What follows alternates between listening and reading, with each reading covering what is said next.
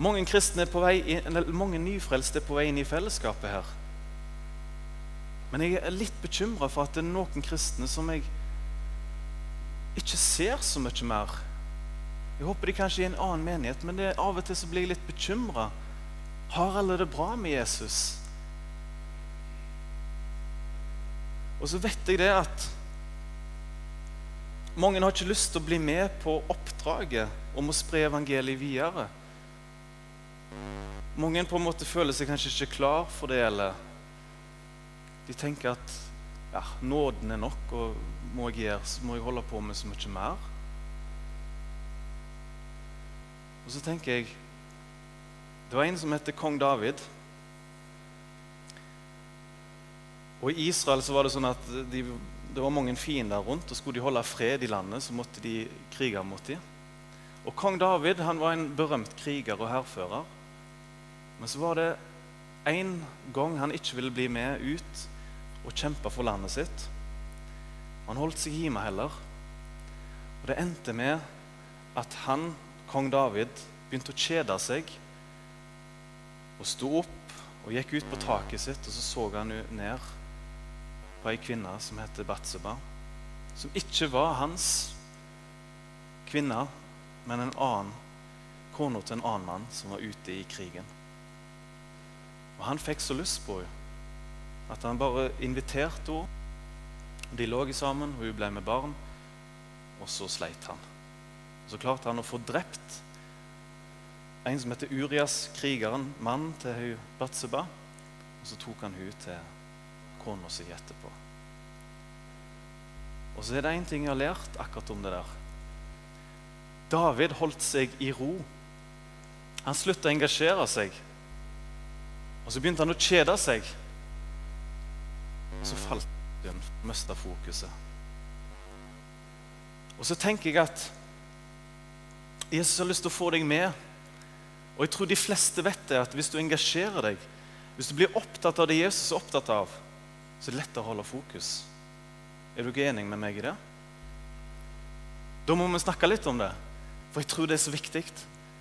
For Hvis folk sitter her og kommer kanskje på Salem og sier at ting er så kjedelig, da må jeg spørre tilbake igjen er du engasjert. Lever du av evangeliet og for evangeliet? For det skjer noe med din livsstil, det skjer noe med hele livet ditt hvis du får et levende møte med Jesus. Jesus er ikke filosofi. Han er ikke en god ting. Han er ikke noe positivt. Han er kongenes konge, og han er herrenes herre. Og han har makt til å sette deg fri hvis du får et møte med ham. Og så vil han ta deg med på noe. Jeg ville i mange år holde meg vekke ifra det der. Jeg tenkte ja takk for tilgivelsen, men nei takk til etterfølgelsen. I tre år holdt jeg på med det. Og hvorfor det? Jeg var 18 år, 19 år og 20 år. Så holdt jeg på med det der å holde Jesus på avstand. Jeg ville være min egen herre. Og jeg, jeg kan beskrive det som om jeg er på en flyplass. Jeg har vært i utlandet og så har jeg fått masse suvenir og masse kanskje ulovlig. Og så kommer jeg på flyplassen og så blir jeg stoppa i tollen. Så sier de du kan få reise til, til, landet, men du får ikke ta med deg det og det. Og så, jeg kanskje, så, så ble jeg så fokusert på når jeg ble en kristen, at ja, jeg vil jo reise, men jeg vil ikke etterlate meg det og det. For det verdsetter jeg sånn i livet mitt. Og så Bildelig talt så ble jeg springende rundt på flyplassen i tre år. Prøvde på nyår, kom i tollen og sa at nei, du kan ikke ta det med. Hvis du skal inn i det nye landet, så kan du ikke ta det med. Og jeg ble så opptatt av alt jeg ikke hadde lyst til å miste, istedenfor å tenke på når jeg kommer til det nye landet, tenk hvordan det skal bli der. en gang jeg brukte det bildet eh, For lenge siden så brukte jeg det bildet på en leir på en tenåringsleir. Og så fortalte jeg at til slutt så slapp jeg alle disse suvenirer og alt det der unyttige. Alt det tåpelige som jeg var så opptatt av. Så reiste jeg av gårde. Og så fikk jeg oppleve det nye livet med Jesus. Og så, og Så sa ei jente, hun var sånn 14-15 år Hva om han var på en flyplass i tre år? Seriøst? så, så de har ikke helt, eh, det er litt farlig hvis du bruker sånne metaforer. Det er ikke alltid det når inn, men Men poenget er liksom dette her med at det er Jesus står her med sitt hva skal jeg si, et åk, på en måte. Og så har han lyst, Når han frelser deg, så sier han velkommen til å gå i lag med meg på vandringen. Så lenge du lever, skal jeg og du gå, og så har vi noe vi skal gjøre. Og så vil vi liksom ikke det alltid. På Kristi himmelfartsdag på 17. mai så skal jeg lese et, eh, det, det var, Da var det Kristi himmelfartsdag. Så skal jeg lese et bibelvers i apostelgjerningene 1,8 som passer veldig godt med det. Og så Etterpå skal jeg gå inn på noe litt spesielt. Der sier Jesus dette er på en måte avskjedsbibelverset. Og så sier han Men dere skal få kraft idet Den hellige ånd kommer over dere. Og dere skal være mine vitner både i Jerusalem og i hele Judea og Samaria og like til jordens ende. Hvis du hadde stått på Oljeberget der Jesus sa det, så vil du forstå det at når Jesus nevner disse tre plassene, så sier han den veien og den veien og den veien. Så Det vil egentlig si gå overalt. Overalt hvor dere ser, det skal dere vinne for meg. Så det har ikke så mye med de stedsnavnene å, å si. Det viser bare alt skal vi dekke. Overalt skal vi vitne. Alle har hørt misjonsbefalingen, tror jeg. Gå derfor ut og gjør alle folkeslag til disipler i det, bla, bla, bla. Men det er ikke alltid vi går inn på detaljene. Når Jesus sendte ut mennesker, så sa han noe til dem. Ga de instrukser. Og dere som kjenner meg, vet at jeg digger instrukser. jeg har lagd på mange vis av de her i Salem. Og jeg syns det er viktig. Det sier noe om hva vi forholder oss til. Det sier noe om hva muligheter du har, og hva ansvarsområde du skal få lov å gå inn i. Nå skal jeg gå litt inn på eh, instruksen som Jesus ga til sine disipler. Og Den instruksen har jeg levd på i mange år lært meg han, pugga han. Og du har jammen meg Jeg er blitt så glad i den teksten, og dere skal få det opp her nå. Jeg skal lese den i sin helhet, og så skal jeg gå gjennom han. Og nå nevner jeg dette her. For jeg sier at jeg har så lyst til at du på ny skal gå under Jesu åk. Dette her er plogåket. Når Jesus går, og så går du ved sida av han i en kraft og sitter ut på et oppdrag. Så vil jeg dele dette verset med dere. Jeg har så lyst til at du på ny skal få frimodighet og gå i lag med Jesus på et unikt oppdrag som han vil gi til deg. Vi får opp Lukas 10, 1-9. Senere utpekte Herren 70 andre og sendte dem ut foran seg, to og to, til hver by og hvert sted hvor han selv skulle komme. Han sa til dem, 'Høsten er stor, men arbeiderne er få.' Be derfor høstens herre at han vil drive arbeiderne ut til sin høst. Gå derfor av sted.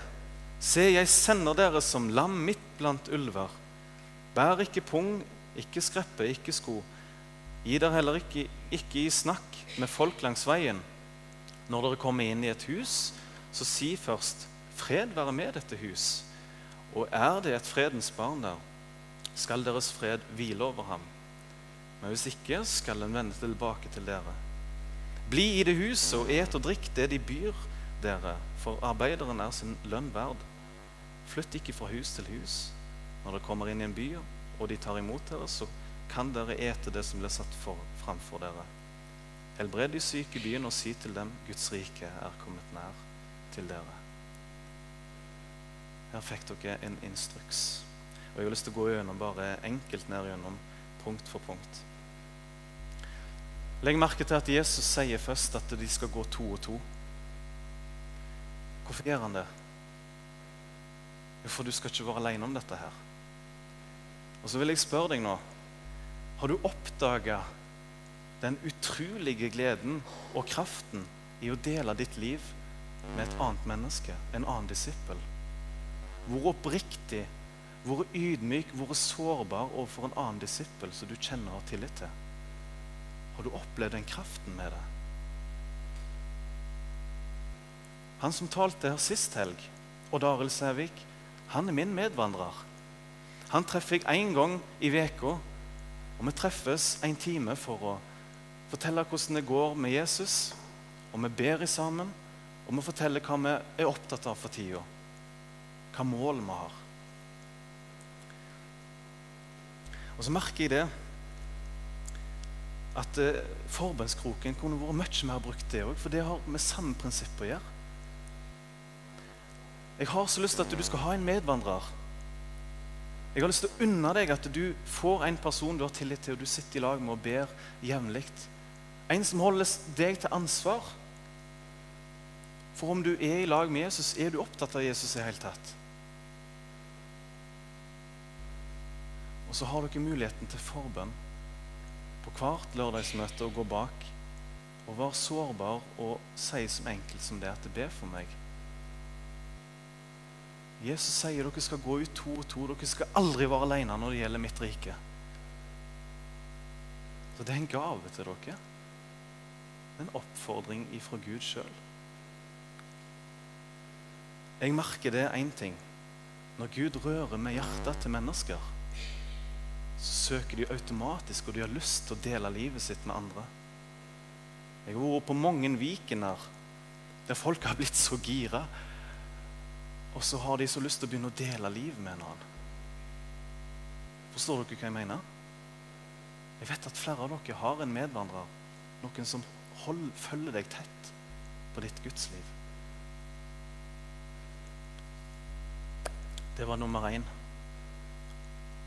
Og nummer to så legger du merke til at Jesus setter fokus på bønn. Be høstens herre. Hvorfor gjør han det? Jo, for nettopp gjennom bønn så vil Gud åpne opp sin verden, sin himmel.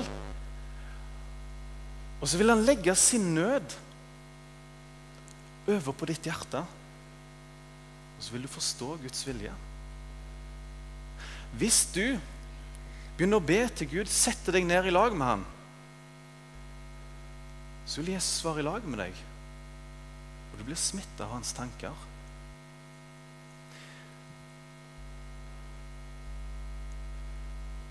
Det var en gang en som heter Nehemia. Han fikk høre det at Jerusalem hadde blitt ruinert, blitt ødelagt. Og Han gikk og tenkte på det. Og Så begynte han å be til Gud. Og Til slutt så la Gud det som et oppdrag på hans hjerte. Du er mannen som skal bygge opp igjen Jerusalems murer. Og Så fikk han det gjennomført. Har du i det siste opplevd den gleden med å sitte i lag med Jesus og bare være med han og utøse ditt hjerte for han? Og så begynner du å merke at det dukker opp noe. Det dukker opp ting i ditt liv som tar kanskje hele fokus vekk. Istedenfor å kanskje sitte der og ha mange bekymringer og være sjølsentrert. Etter hvert så du får utøst dine bekymringer, vet du hva som skjer? Du kan oppleve å bli opptatt av andre. Du kan få oppleve å bli satt fri. Og du kan få oppleve å få vite at Gud vil noe med deg. Han gir deg oppdrag. Jeg ikke, hadde ikke stått her i Salem nå. Har ikke vært for at jeg, at jeg ba til Gud for lenge siden og sa at oh, det virka så spennende Jesus å jobbe i en menighet på heltid. Og så ba jeg om det jevnlig. Et halvt år seinere spurte han derre Hans Kirkholm Du, ja Vil du til Salem, eller? Han gode, gamle Hans. Ser du det at det tok mange måneder for meg? Gud rørte først med meg. Så begynte jeg å fortsette å be. Fortsette å be. Så åpna det seg ei dør. Det tok et halvt år. Så kom bønnesvaret. For Nehemja så tok det fire måneder før han fikk bønnesvar hvordan han skulle gjøre dette. her. Så nummer to bare begynn å be i lag med Jesus. Og så gled deg til du merker hva han vil gjøre gjennom deg. Har du kjent på den der nøden når det begynner å brenne i ditt hjerte? Det tar tid. Men Gud bruker god tid på å bygge deg opp. Husk det. Jeg håper det er en oppmuntring for deg. Tenk at universet særlig har lyst til å sette seg ned med deg, fortelle deg ting, betro deg ting. Er ikke det fantastisk? Tenk, uten det så hadde vi levd på jorda her uten mål og mening.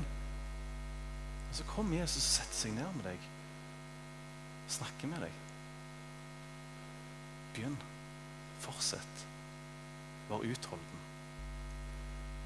Og nummer tre Det står at Jesus sendte de ut som lam midt iblant ulver. Av og til snur vi litt på det der. Og så blir vi ulver midt iblant lam. Vi blåser oss opp og skal ta et skippertak, og nå skal jeg for alvor liksom si de et alvorsord, disse her. Så er det ikke det Jesus vil at vi skal være. Så sier han dere skal være lam. Hvorfor sier han det?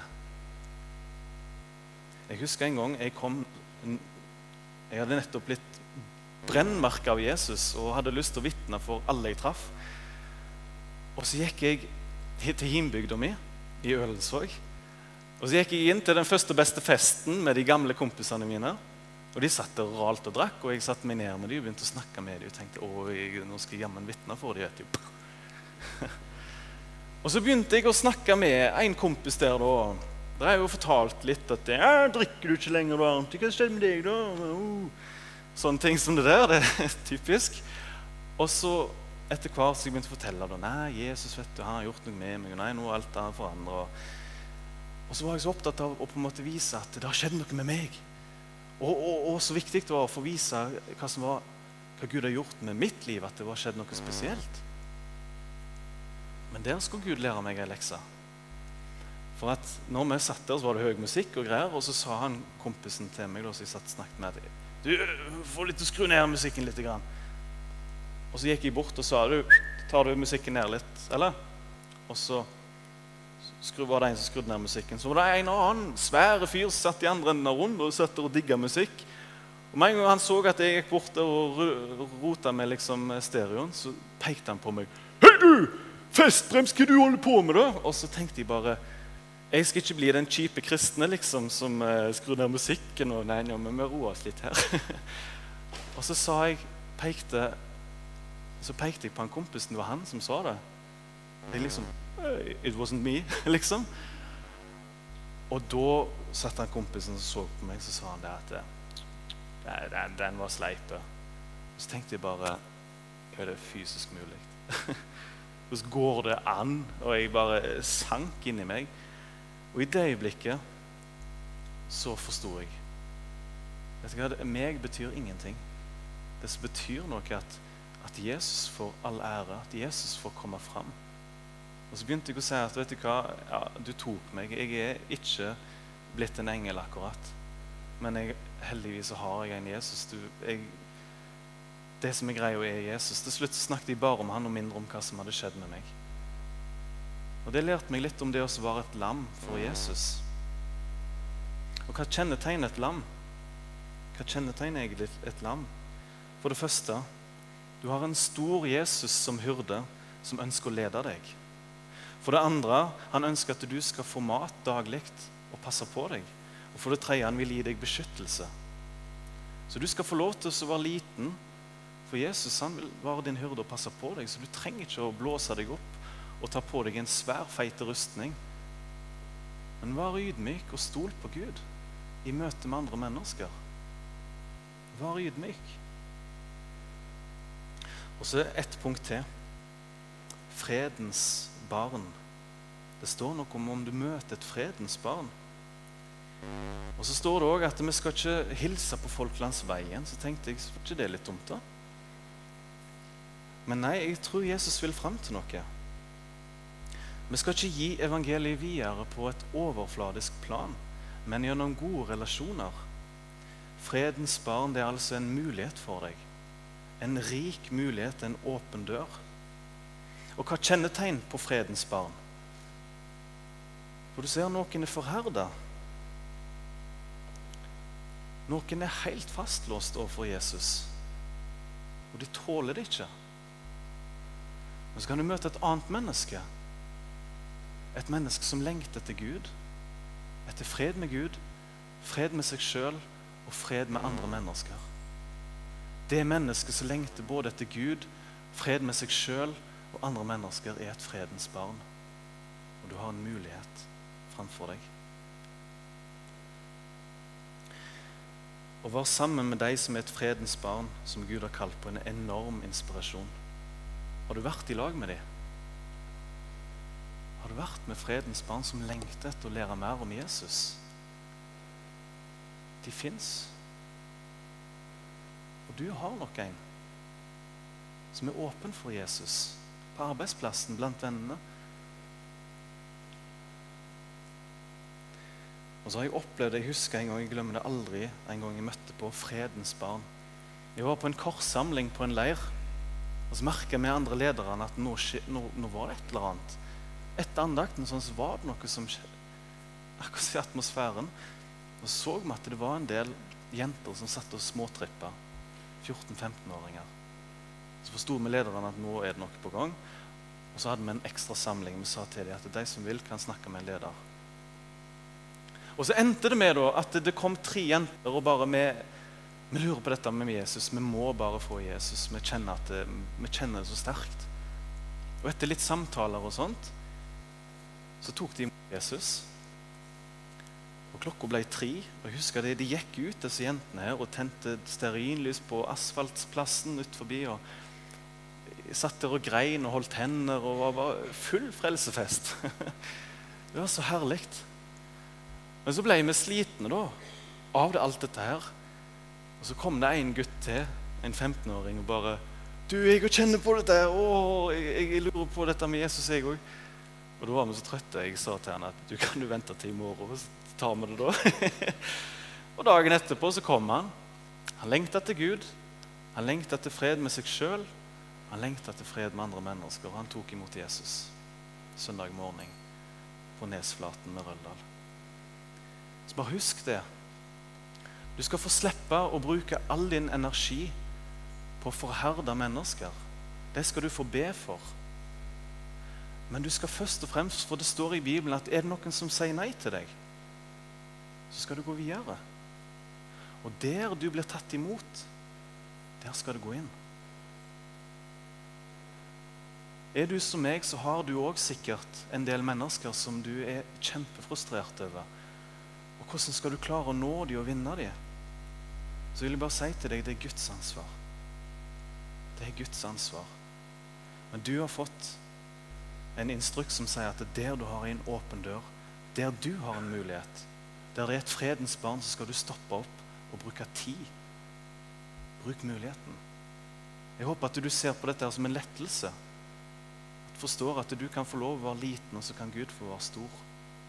Og så sier jeg ikke at du skal gi opp de som er harde, for jeg har mange jeg har 18 harde på min liste, på min bønneliste, som ikke vil ha Jesus. Og jeg gir det ikke opp. Til mitt siste åndedrag skal jeg be for dem. Men for tida er ikke de fredens barn for meg.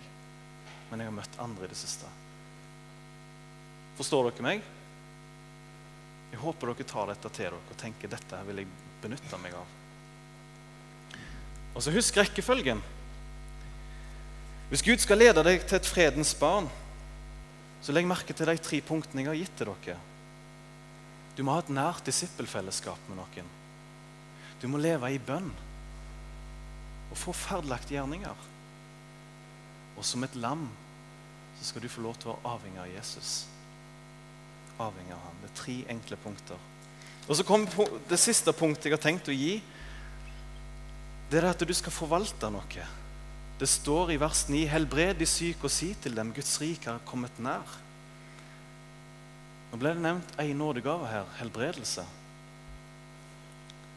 Min mor har helbredelsesnådegave, og det er litt spennende å følge med på. En gang så var det en, en, eh, en mann som var sjuk, en eh, kunde av pappa. Bare en vanlig kunde av pappa, så fikk pappa vite at han her han har fått kreft nå. Og mamma hun, hun må bare. Hun, kanskje, hun, hun, må liksom bare. Så hun ringte til han når han var på sykehus og veldig dårlig. Så ringer hun til han at 'Hei, jeg heter Marit.' Og hun er liksom fra Lyngdal og så greier. og så sier hun at det var voldsomt trist at du har blitt syk. Og jeg har lyst til å be for deg, men det viktigste er at du, du tror på Jesus. Og så sa han det at ja, ja, ja, ja jeg tror på Jesus. Jeg. Han kommer ikke fra noen personlig kristen familie eller noe sånt. Men det var noe som skjedde når han fikk den der telefonen. Det var noe som skjedde når hun ringte på den måten. Og Så sa hun jeg begynner å be for deg. jeg da. Så tok hun ba for han over telefonen. Og Mens han satt der i sykesenga si, så kom det en varme gjennom han. Han ble ufattelig glad. Han kjente det som den hilsen ifra himmelen. Og Dagen etterpå så kom kona ens ærend til oss med, med, smil og glede og begeistring og sa at takk at, takk at du ringte til mannen min. Han satte så pris på det. Så kom Jesus fram. Og så tenker jeg Gud har gitt deg noe. Gud har gitt deg evangeliet. Gud har gitt deg nådegaver. Han har gitt deg evner, talenter, som vi hørte om sist helg. Og så lurer jeg på er du motivert til å forvalte det? Eller bryr du deg ingenting? Vil du forvalte det? Det står nemlig det i 1. Korinterbrev 4, vers 1-2 at sånn skal ethvert menneske se på deg som en disippel, som forvalter av Guds hemmeligheter. Du skal forvalte Guds gode gave.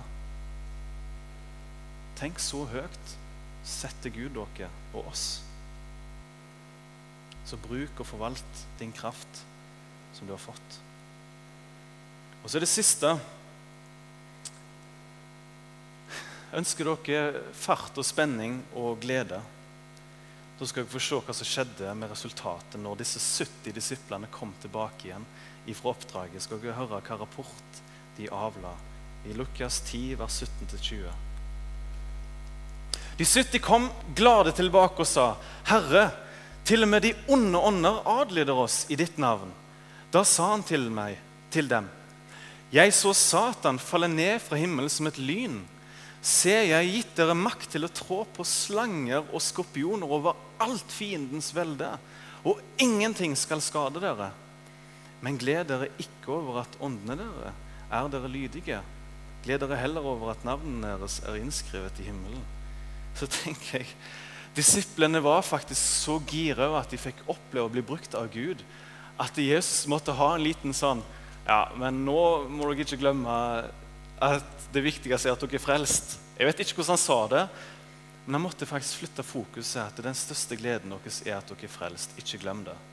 Så glad var de for å være med i Guds rike, for å være med og tjene. Så tenker jeg det er for deg òg det er for deg òg.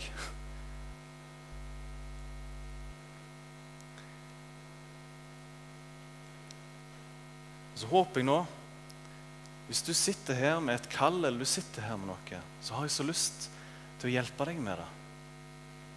Hvis du sitter med noe du trenger at jeg trenger et jeg trenger å få det satt dette i sving, så ønsker jeg at salen kan være en menighet som hjelper deg til det.